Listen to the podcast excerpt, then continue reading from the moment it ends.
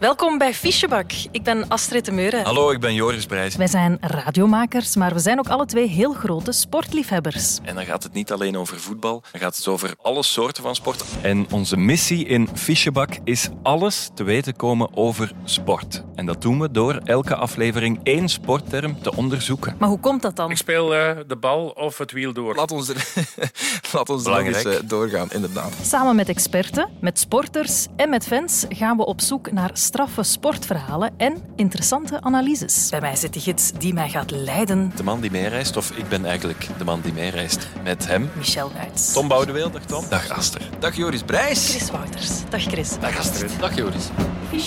Vandaag duik ik opnieuw in onze fichebak. Ga ik op reis naar het bezoekersvak. De wereld van de pitstop. Pitstop, penalty, De derailleur. duivenkop, kermiskoers, wingback, body, volley, volkswagen, derby. Het kan allemaal aan bod komen.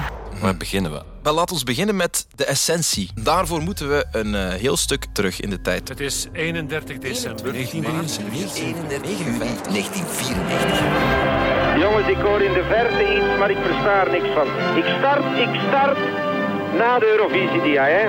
Zet maar open. Many a tear has to fall. Een moment dat waarschijnlijk niet in veel geheugens gegrift staat. Elk stuk in de geschiedenis van de sport heeft zo zijn bepaalde waarde. En toen was er een soort romantiek bijna. De goeie oude tijd.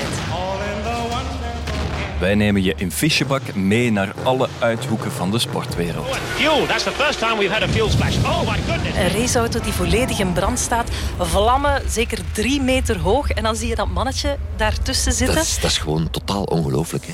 Astrid, heb jij al eh, gehoord van Flip Flop Naven? Eh, het klinkt geestig, maar nee, ik ken het niet. Op zijn 23ste stelde zijn trainer hem op als verdediger. dat, is echt, dat is een Au. bummer van je wel. Dat, is, Dat is heel pijnlijk. Dat is alsof de trainer zegt, eh, je bent niet goed genoeg. dat is- ik, Toch? Ja, pff, ik vind dat eigenlijk een kleine belediging, want ik was centrale verdediger vroeger.